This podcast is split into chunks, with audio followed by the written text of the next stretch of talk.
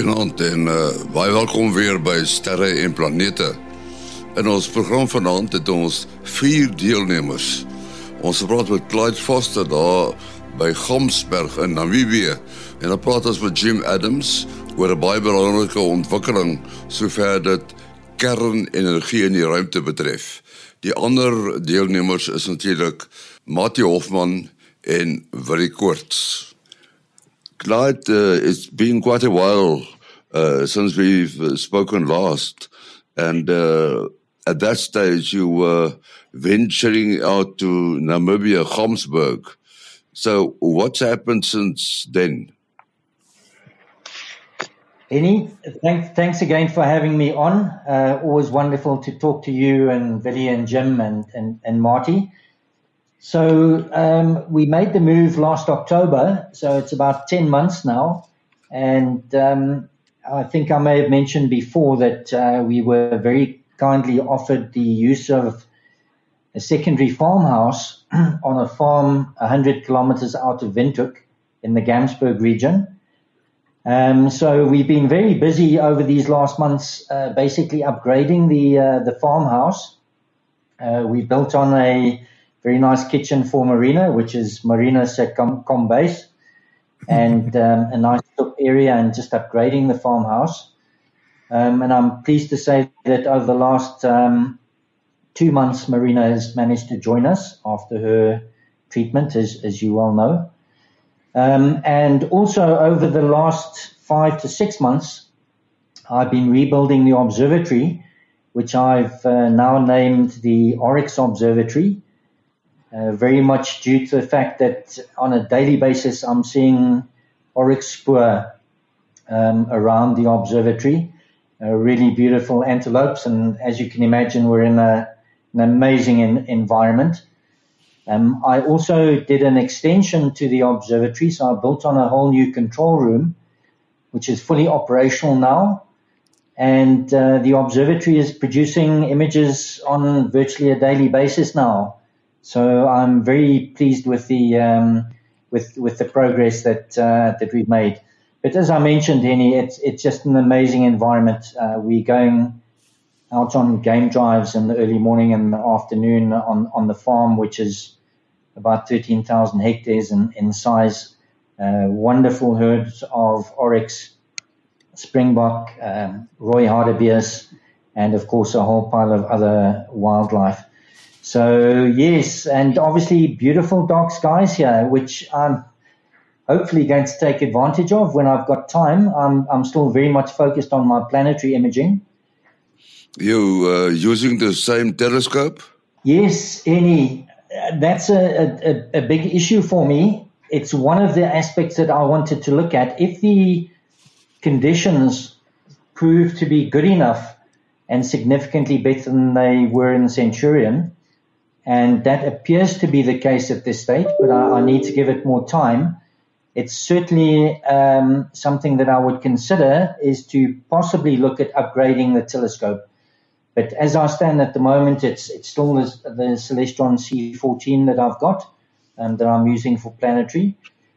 It would be an absolute dream if the conditions do prove to be good enough uh, to upgrade to maybe an 18 or 20 inch telescope, but uh, that would very much depend on, on funding and budgets, etc. And well, what's happened to Clyde Spot? Henny, yeah, I'm, I'm pleased to say with Jupiter being so dynamic, so many of the storm systems on, on Jupiter are, are short lived.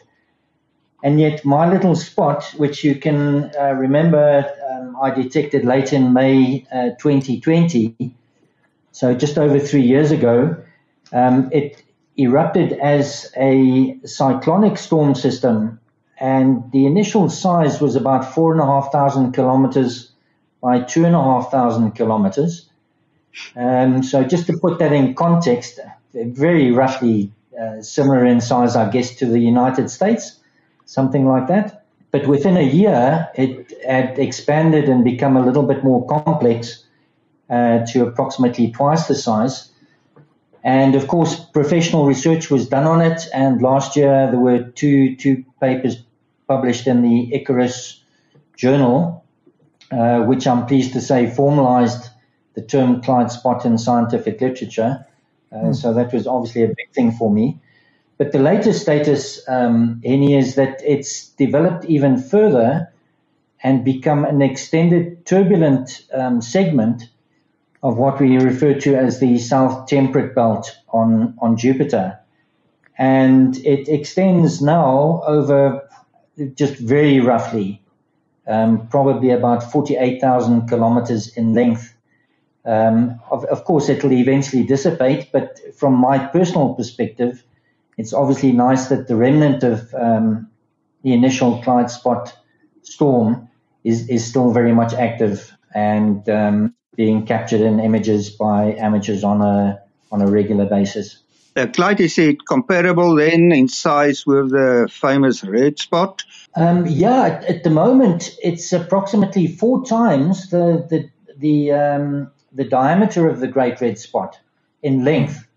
Um, and it's interesting enough, it's actually currently moving or, or uh, transiting below the great red spot, and there's been some interaction over the last couple of months between the great red spot and the uh, what we refer, refer, to now as segment G of the STB, which is the remnant of Clyde spot. So it extends on both sides of the great red spot at this stage in, in length. Um, so yeah, it's it's very much a visible feature still. Is it visible uh, with uh, in optical light? If uh, amateur would look through a telescope, uh, a good amateur telescope? Marty, yes, um, it's visible. I've taken images myself, and it it actually shows as a dark, uh, relatively dark segment of the uh, the STB in visible hmm. light. Mm. Okay, so you don't need infrared uh, light to see it, uh, observations in infrared light. No, not a, not at all. I, I obviously image um, in in the, the near infrared, approximately 685 nanometer and and, and longer, and um, it, it shows quite nicely at, at those wavelengths, but uh, very much visible in in uh, the visible part of the spectrum as well. Now, the reason why uh, such a big feature would dissipate uh, while Jupiter's red spot corresponds to a storm uh, that has been going on for a few centuries. Is that related to the depth of that system into Jupiter's atmosphere, or what is the major difference uh, between the autonomy of uh, of the Clyde spot and the red spot? Yeah, obviously the turbulent region that I'm referring to I, I, believe would would be fairly shallow in in depth, whereas um, obviously the the work that uh, the studies that have been done on the Great Red Spot, it's very much long lived, um, and I think the latest figure now is that it extends a, few hundred kilometers down into Jupiter's atmosphere, which is still still relatively shallow. Marty, so many of the, the storm systems, like the initial Clyde spot, um, they they're very short uh, short lived. And when I say short lived, uh, either days or, or, weeks or maybe a few months, and then they um, just be, they um, obviously dissipate um, quite quickly. So in in some ways, this was uh, this is quite an unusual um, thing, which is nice for myself, mm-hmm. obviously. But um, we'll we'll have to see. I'm obviously tracking it on a regular basis and hopefully it'll uh, extend uh, a little bit longer. Clyde, I remember when uh, you found Clyde Spot or you saw something there uh, that the uh, Juno spacecraft uh, played quite an important role.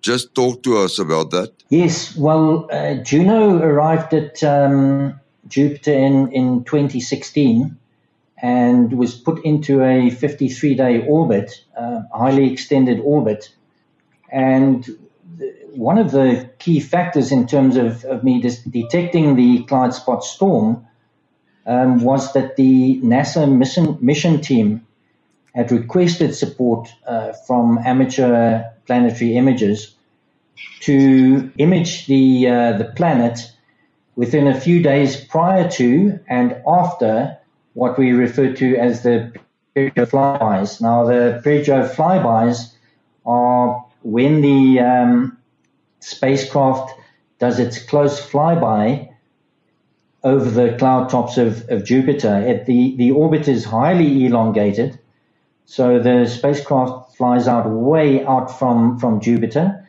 and every 53 days it, it comes in low over the cloud tops of Jupiter. And obviously, that only takes a, a, a few hours. And it was on one of those occasions when I was trying to support the mission team that um, I detected Clyde's spot.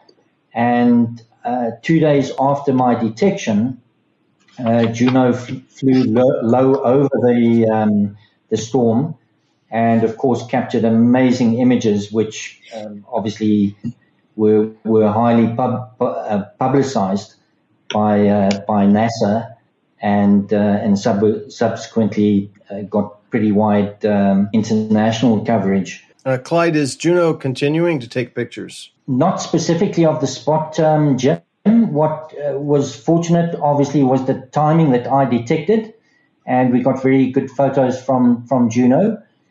And then a year later, it, it, it was only a year later that uh, Juno was able to capture that um, region again. And as, as you know, Juno doesn't fly over the same region of Jupiter every every orbit. Um, right. So it, it uh, was only a year later that we got uh, some uh, further amazing images from the spacecraft showing the development of the, the, the storm. What is happening at the currently at the moment is um, because of the orientation of the orbit of, of Juno, it's actually quite difficult to get um, face on um, images of the of the planet. I'm not aware of any recent uh, images from, from Juno, specifically of this this area. Uh, Jim, the the Juno spacecraft, uh, it has a very elongated orbit. Now, my, my question is the escape velocity of a craft like Juno's. What, what would that uh, be like? It's pretty high. You know, like uh, let's just draw a comparison of the Juno orbit to like the ISS. The ISS orbits the Earth every 90 minutes in a rel- in an almost circular orbit.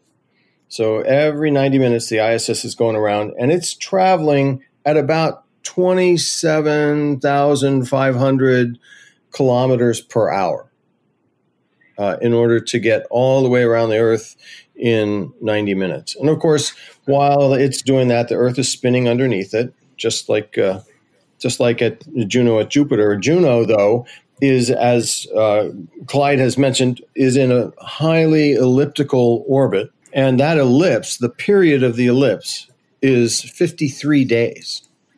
So when Juno comes in close at what they call the perigee, although I don't think they call it perigee at Jupiter, um, at the closest approach, it's traveling at over uh, 250,000 kilometers per hour. So almost 10 times that of the International Space Station. And yet it still goes all the way out to its apogee, the highest point furthest away from the center of Jupiter, and uh, and turns around and comes back. So it, it hasn't hit escape velocity even at 250,000 kilometers per hour. And that has to do with the fact that the gravity at Jupiter is so immense. Doubtful that Ju- Juno will ever be able to escape uh, orbit from um, from Jupiter. Jim, um, now just a bit curious. Uh, at present, uh, Juno is, fl- is at a, near a, relatively close uh, distance from Io, um, the volcanic moon of Jupiter. Uh, at uh, the closest distance was around 22,000 kilometers. Uh, what will, would be its closest approach to the outer layers of Jupiter's atmosphere? I don't know whether yeah. they have a relatively sharp boundary, uh, but uh, I don't know whether it may be very risky if it would get at a similar distance from the outer layers of Jupiter's atmosphere. Yeah, I, I know it's it comes in pretty close, um, but uh, I don't know the exact number of how close Got Juno it. gets to Jupiter. But this bypass, this flyby of Io is really historic. There's only been a couple of spacecraft that's been this close to Io in the past, and so it's important that uh, Juno get some pictures of this. Really, it's the only spot other than Earth in the solar system that has an active volcano system. Uh, what's interesting, uh, uh, uh while uh, it's taking images of Io, is that there's also an instrument that was built in Italy and another one that was built in Japan that is used for studying Io which is good because it indicates uh, good international collaboration in missions like that. So, uh, just a quick look on on uh, Google. It says uh, Juno comes within five thousand kilometers of yeah. the top yeah. of the planet's clouds. Wow! Wow! Yeah. I, I, can see on the Wikipedia page of Juno is also an interesting animation of how the orbit has precessed, how it sort of swung mm-hmm. around, and I think that was what Clyde was referring to now now the coverage is different from from back then. Is that true, yes. Clyde? Yeah. Let's move to another uh, subject, and that is uh, nuclear power in space. Now, I know that uh, the further away uh, one moves from the sun, you have to make use of nuclear power. I think the, the Voyagers uh, operates on nuclear power, but there's been quite a an interesting development regarding nuclear power, Jim. Yeah, yeah. But uh, you know, one of the things we should, as long as we're talking about uh, Juno, real quickly, Juno is the furthest out in the solar system that we've ever flown solar arrays. It, we used to think oh, that oh, yes. the furthest we could go with solar arrays was Mars, but that's turned out not to be the case. As um, in the in the 2010s timeframe, um, we were running really short of plutonium 238, which is a radioisotope um, that gets hot, has an 88 year half life, and the United States had very little of it. In fact, we were buying some from Russia and they kept raising the price. and so I felt like this was sort of a brittle kind of uh, relationship, especially if we wanted to explore the outer solar system like Jupiter and beyond. And um, so the plutonium 238 was necessary in order to make the heat that is then turned into electricity that powers the spacecraft. Um, Juno made the choice to go with solar arrays rather than what's called a radioisotope thermoelectric generator simply because they weren't sure they could get it right? And so we invested in a technology program to make solar arrays operate at Jupiter. But at the same time, NASA entered in, into a partnership with the United States Department of Energy to begin the uh, development of a process to make our own plutonium. We stopped making plutonium uh, in the mid 1980s when we shut down the Savannah River um, nuclear uh, processing plant, and uh, and we were running out. And, and so last month, the uh, Department of Energy delivered its first half kilogram of plutonium 238 um, to be utilized for space exploration. Um, that's still short of the one and a half kilograms per year that they uh, that they want to get to, but it is a significant milestone that they were able to amass a half a kilogram of this um, radioisotope, which is very rare indeed. So uh, we use it sparingly and we use it very cautiously. Yeah, Jim, with the Oppenheimer movie now uh, featuring, uh, I mean, it's we're talking about uh, um, uh, a vast difference in in in in amounts. Isn't it true? I mean, in those days, it was it was tons of the stuff, or, or, or wasn't it really that they produced for the for the H bomb? Well, in the Oppenheimer movie, they have these two glass globes, and they're putting marbles yes. in as yes. uh, as they assemble uh, the U two thirty eight and the plutonium two thirty a 237 that they need. So plutonium uh, and and the smaller goblet was how much plutonium they needed, which was about the size of a grapefruit. What we what we uh, make in the United States for space exploration is plutonium 238. Not 237. And it's significant because 238 is not fissible. It's not a thing you could use in making a nuclear weapon. It's a byproduct of making highly enriched uranium, uh, which you need not only for weapons, but you uh, also can use for um, nuclear power reactors and that, that sort of thing. So, um, so yes, I mean the the amount of plutonium that they needed uh, plutonium 237 that they needed was um, about the same amount that we would fly on a spacecraft, say New Horizons to uh, to Pluto, but hmm. it's a totally different isotope um, hmm. altogether you were so kind to send us a very interesting article about those times um, that you had to to bargain for the restart of the plutonium 238 production in uh, in the United States. And in that article, it uh, mentions that um, the New Horizons mission at 11 kilogram of yes. plutonium of this. Um, I'm not sure if that's just, it's just a pure plutonium, or, prob- uh, more probably the uh, plutonium oxide. Uh, it's the now, oxide, yeah. Uh, what has what has made news now is 0.5 kilograms. So at first it was uh, quite uh, curious that something like that can be such a big deal.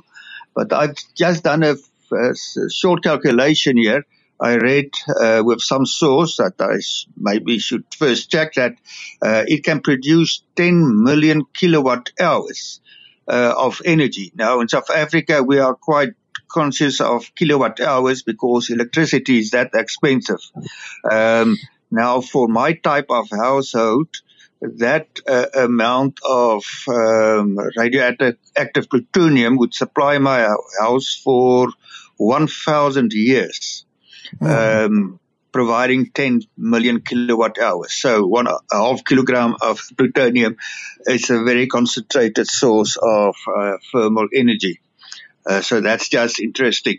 The, the, consequences of having closed that uh, Savannah River site um, it was quite significant. I mean, uh, the United States was running out of their stockpile and they had to bargain with the Russians. Why did they close it if it was strategically so important? Well, it had to do with strategic arms treaties and that sort of thing. Mm. But uh, but one of the things I, I, we really should talk about is you, you see those kinds of conversions that you made, Matti. Uh, mm. You know, the heat produced by like half kilogram of plutonium 238 could power your house for 11,000 years or something like that. That's assuming that you could convert that heat efficiently uh, into electricity, right? The in deep space, uh, we have uh, we have radioisotope thermoelectric generators, and so the ones that flew on Voyager and New Horizon uh, were about four percent efficient. So uh, you, you, you only get uh, you, you, put uh, um, 100 watts of heat in, you get four watts of electricity out. that sort of thing. So yeah, okay. the the newer ones that are on um, Curiosity and Perseverance are about six percent efficient, but they still only produce 100 watts of electricity. And then um, then there's uh, technology development work going on to try and make that uh, try and hit like 10% efficient on these radioisotope thermoelectric generators. Um, when I was in the chief technologist's office, we were pushing a new technology called uh, advanced Stirling uh, generators, which uses a Stirling cycle, uh, but it has moving parts and that was going to be 32% efficient, which oh. was about as efficient as solar arrays. Hmm. So, um, but the thing is that investing in that technology brought down a firestorm of protest from the mission designers because it had moving parts in it. And yes. nobody wanted their power system to have moving parts in it because moving parts could fail. Yeah. Um, hmm. And so what ended up happening was NASA um, invested more money in the uh, development of making more plutonium. And um, so all of this is an ecosystem that plays together. How much better can we make solar arrays? We stop flying them at Mars and fly them all the way out to Jupiter. Maybe someday even at Saturn. We don't know. Or uh, mm-hmm. maybe we make the conversion efficiency better, and so we use less plutonium. Or maybe we we find a way to make more plutonium. It's all mm-hmm. part of the same puzzle. Jim, uh, you are reachable at any Mars in say uh. Yeah, except that I haven't learned how to pronounce the name yet. So you guys are going to have to coach me. But I love answering questions on Facebook. Okay. Mati, jou besonderhede. Het selfoonnommer 0836257154. 0836257154. And Clyde? Uh, Henny, probably the best is uh, email. Uh, Clyde, C-L-Y-D-E, at icon.co.za. C-L-Y-D-E at icon, that's I-C-O-N dot C-O dot Z-A. En dan wat die? Is 07245792908. 07245792908. En uh, ons program se uh, adres is sterreplanete@gmail.com. sterreplanete@gmail.com. Volgende week praat ons dan weer. Tot dan, alles van die beste.